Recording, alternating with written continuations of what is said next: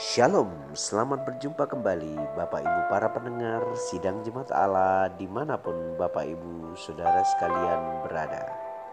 Saya percaya Bapak Ibu sekalian dalam kondisi yang sehat, diberkati oleh Tuhan, dipelihara dalam segala kebaikan dan kemurahan Tuhan. Kita akan sama-sama mendengarkan renungan firman Tuhan dengan judul Berbahagialah. Teks kita terambil dalam 1 Petrus pasal 4 ayat 12 sampai dengan ayat yang ke-14.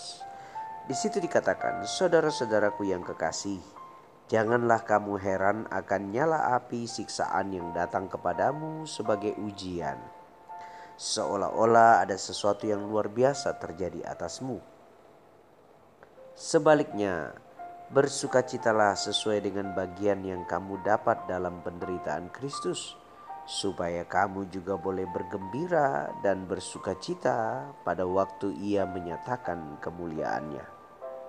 Berbahagialah kamu jika kamu dinista karena nama Kristus, sebab roh kemuliaan, yaitu roh Allah, ada padamu. Bapak Ibu para pendengar yang dikasihi oleh Tuhan Yesus Kristus, di sini Rasul Petrus mengirimkan surat kepada seluruh sidang jemaat yang sedang terpencar di berbagai daerah yang ada di luar Yerusalem pada waktu itu untuk menguatkan mereka akibat pergumulan, aniaya, tekanan, dan berbagai macam masalah yang mereka hadapi. Rasul Petrus berkata, bahwa saudara-saudara kekasih janganlah heran akan nyala api siksaan, akan nyala api pergumulan yang datang kepada kita sebagai ujian. Jadi Rasul Petrus berkata, enggak usah heran kalau ada masalah, kalau ada tantangan, kalau ada penganiayaan. Alkitab menguatkan kita dengan berkata, sebaliknya bersukacitalah sesuai dengan bagian yang kamu dapat dalam penderitaan Kristus. Jadi, kalau kita mengalami pergumulan, mengalami masalah, ketika kita dalam masalah itu, kita diminta untuk berbahagia. Tentu hal ini aneh, bukan? Ya, jelas saja ini sangat bertentangan dengan logika pikir kita. Bukankah ketika kita dihina, direndahkan mungkin atau ketika kita dipandang sebelah mata, tidak dianggap dan bahkan ada masalah dan pergumulan di hadapan kita, Alkitab meminta kita untuk berbahagia.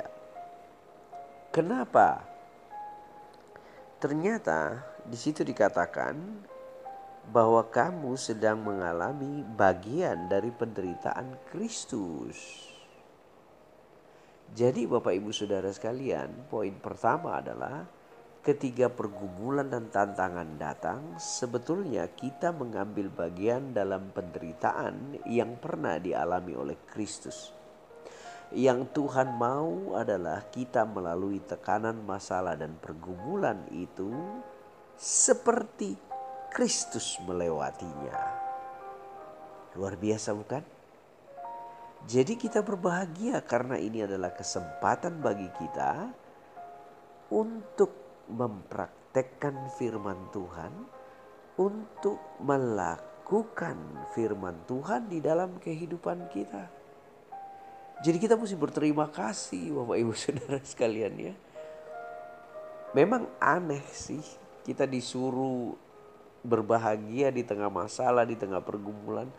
Ini memang agak sedikit hal yang tidak mudah kita cerna. Tetapi kita mengambil bagian dalam penderitaan Kristus. Sehingga sebagaimana Kristus bisa melewati tantangan dan keluar sebagai pemenang, maka kita percaya akan muncul hal-hal baru dalam diri kita jika kita ikhlas menjalani segala sesuatunya. Bapak Ibu para pendengar yang dikasih Tuhan, tidak hanya kita diminta berbahagia saja, Alkitab justru mengingatkan kita supaya nanti kamu dapat bergembira dan beroleh sukacita pada waktu ia menyatakan kemuliaannya. Jadi persoalan, masalah, tantangan dalam kehidupan kita sebagai orang percaya Bapak Ibu Saudara mengerjakan kemuliaan Allah jadi janganlah kita bimbang dan ragu. Karena ternyata setiap masal dan tantangan itu berujung pada Allah menyatakan kemuliaannya. Ada orang berkata kemuliaan Allah berbicara tentang dua hal, yaitu kasihnya dan kuasanya pada waktu tekanan, pada waktu tekanan dan pergumulan ada kita alami, kita merasakan kasihnya, penyertaannya, perlindungannya. Dan setelah kita mengalami itu semua, kita juga akan merasakan kuasanya bekerja Bapak Ibu Saudara sekalian. Itulah sebabnya Alkitab meminta kita berbahagia sungguh tidak sesuai daging kita. Biasanya ada masalah, ada tekanan, ada pergumulan. Kita akan mengeluh, akan bersungut-sungut, akan mencari kambing putih. Sorry, kambing hitam. akan mencari siapa saja yang dapat disalahkan Itulah kita Bapak Ibu Saudara sekalian. Tetapi Tuhan berkata lewat firman Tuhan yang disampaikan oleh Rasul Petrus hari ini. Bahwa justru di situlah pertama kita mengambil bagian dalam penderitaan Kristus. Berarti karakter Kristus akan muncul. Karena kita tidak akan tahu apakah kita hidup melakukan firman Tuhan atau tidak kalau tidak diuji lebih dulu. Emas yang murni itu dimasukkan dalam perapian sebuah tungku dahulu lalu dimasukkan dalam perapian yang menyala-nyala akan terlihat kemurniannya karena semua kotorannya hangus terbakar. Satu-satunya logam yang tidak hancur ketika bertemu dengan api adalah emas yang murni. Itulah sebabnya ia mungkin mencair, tetapi sifat dasarnya yaitu emas sungguh luar biasa. Nah, Alkitab menggambarkan kepada kita bahwa ketika kita diuji, sebenarnya itu akan memunculkan karakter murni Kristus dalam hidup kita. Dan yang kedua, kita mesti berbahagia. Kenapa? Karena Tuhan akan menyatakan kemuliaannya. Di saat itulah kita bergembira dan bersuka cita. Kemuliaannya berbicara tentang kasih dan kuasanya. Nah, Bapak Ibu Saudara sekalian, biarlah hari-hari ini di dalam semua pergumulan kita, kita ingat bahwa tujuan dari semua pergumulan, tantangan, dan masalah yang sedang kita hadapi adalah untuk menjadikan kita serupa dengan Kristus, dan yang kedua, supaya kita bisa melihat kemuliaannya, yaitu kasih dan kuasanya dinyatakan. Tuhan Yesus memberkati kita hari ini, Bapak Ibu Saudara sekalian. Biarlah damai sejahtera, sukacita, pertolongan, kemurahan, dan kebaikan Tuhan menjadi bagian kita. Turunlah berkat sehat, kuat, dan panjang umur, damai sejahtera atas kita sekalian. Shalom.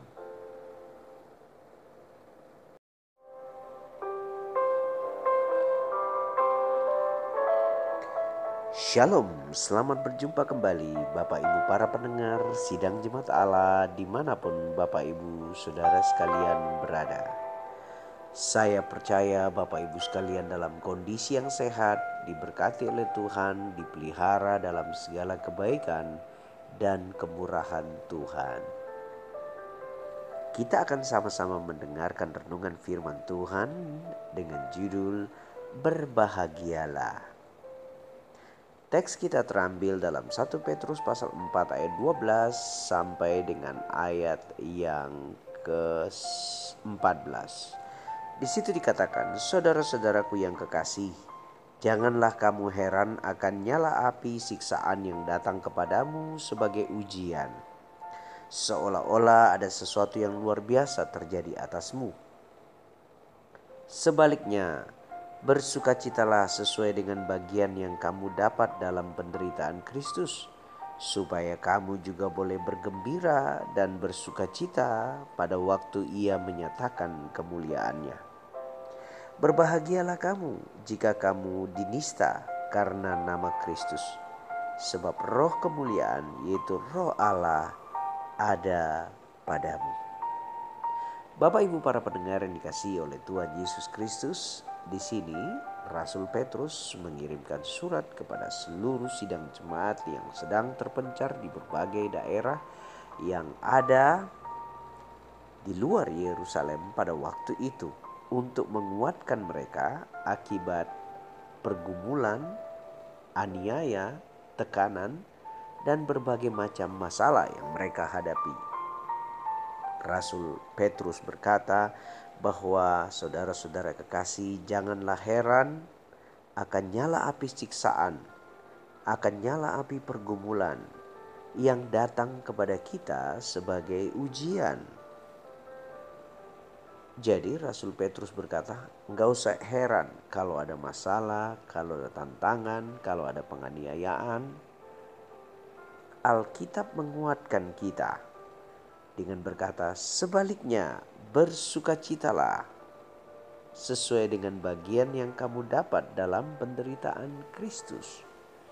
Jadi, kalau kita mengalami pergumulan, mengalami masalah, ketika kita dalam masalah itu, kita diminta untuk berbahagia.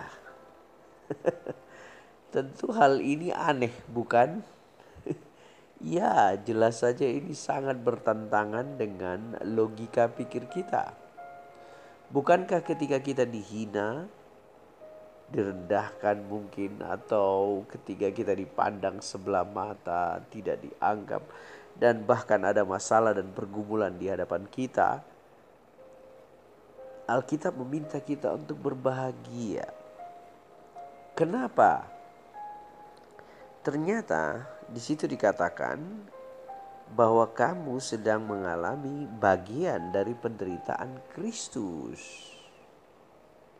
Jadi Bapak Ibu Saudara sekalian, poin pertama adalah ketika pergumulan dan tantangan datang, sebetulnya kita mengambil bagian dalam penderitaan yang pernah dialami oleh Kristus.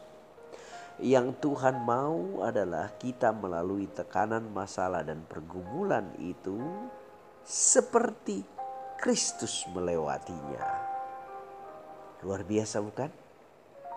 Jadi kita berbahagia karena ini adalah kesempatan bagi kita untuk mempraktekkan firman Tuhan, untuk melakukan firman Tuhan di dalam kehidupan kita. Jadi kita mesti berterima kasih Bapak Ibu Saudara sekalian ya. Memang aneh sih kita disuruh berbahagia di tengah masalah, di tengah pergumulan. Ini memang agak sedikit hal yang tidak mudah kita cerna. Tetapi kita mengambil bagian dalam penderitaan Kristus sehingga sebagaimana Kristus bisa melewati tantangan dan keluar sebagai pemenang, maka kita percaya akan muncul hal-hal baru dalam diri kita jika kita ikhlas menjalani segala sesuatunya. Bapak Ibu para pendengar yang dikasih Tuhan, tidak hanya kita diminta berbahagia saja, Alkitab justru mengingatkan kita supaya nanti kamu dapat bergembira dan beroleh sukacita pada waktu ia menyatakan kemuliaannya. Jadi persoalan, masalah, tantangan dalam kehidupan kita sebagai orang percaya Bapak Ibu Saudara mengerjakan kemuliaan Allah. Jadi janganlah kita bimbang dan ragu karena ternyata setiap masal dan tantangan itu berujung pada Allah menyatakan kemuliaannya. Ada orang berkata kemuliaan Allah berbicara tentang dua hal yaitu kasihnya dan kuasanya. Pada waktu tekanan, pada waktu tekanan dan pergumulan ada kita alami, kita merasakan kasihnya, penyertaannya, perlindungannya. Dan setelah kita mengalami itu semua, kita juga akan merasakan kuasanya bekerja Bapak Ibu Saudara sekalian. Itulah sebabnya Alkitab meminta kita berbahagia. Sungguh tidak sesuai daging kita biasanya ada masalah, ada tekanan, ada pergumulan, kita akan mengeluh, akan bersungut-sungut, akan mencari kambing putih. Sorry, kambing hitam. akan mencari siapa saja yang dapat disalahkan. Itulah kita Bapak Ibu Saudara sekalian. Tetapi Tuhan berkata lewat firman Tuhan yang disampaikan oleh Rasul Petrus hari ini bahwa justru di situlah pertama kita mengambil bagian dalam penderitaan Kristus. Berarti karakter Kristus akan muncul karena kita tidak akan tahu apakah kita hidup melakukan firman Tuhan atau tidak kalau tidak diuji lebih dulu. Emas yang murni itu dimasukkan dalam perapian sebuah tungku dahulu lalu dimasukkan dalam perapian yang menyala-nyala akan terlihat kemurniannya karena semua kotorannya hangus terbakar. Satu-satunya logam yang tidak hancur ketika bertemu dengan api adalah emas yang murni. Itulah sebabnya ia mungkin mencair, tetapi sifat dasarnya yaitu emas sungguh luar biasa. Nah, Alkitab menggambarkan kepada kita bahwa ketika kita diuji, sebenarnya itu akan memunculkan karakter murni Kristus dalam hidup kita. Dan yang kedua, kita mesti berbahagia. Kenapa? Karena Tuhan akan menyatakan kemuliaannya. Di saat itulah kita bergembira dan bersuka cita. Kemuliaannya berbicara tentang kasih dan kuasanya. Nah, Bapak Ibu Saudara sekalian, biarlah hari-hari ini di dalam semua pergumulan kita, kita ingat bahwa tujuan dari semua pergumulan, tantangan, dan masalah yang sedang kita hadapi adalah untuk menjadikan kita serupa dengan Kristus, dan yang kedua, supaya kita bisa melihat kemuliaannya, yaitu kasih dan kuasanya dinyatakan.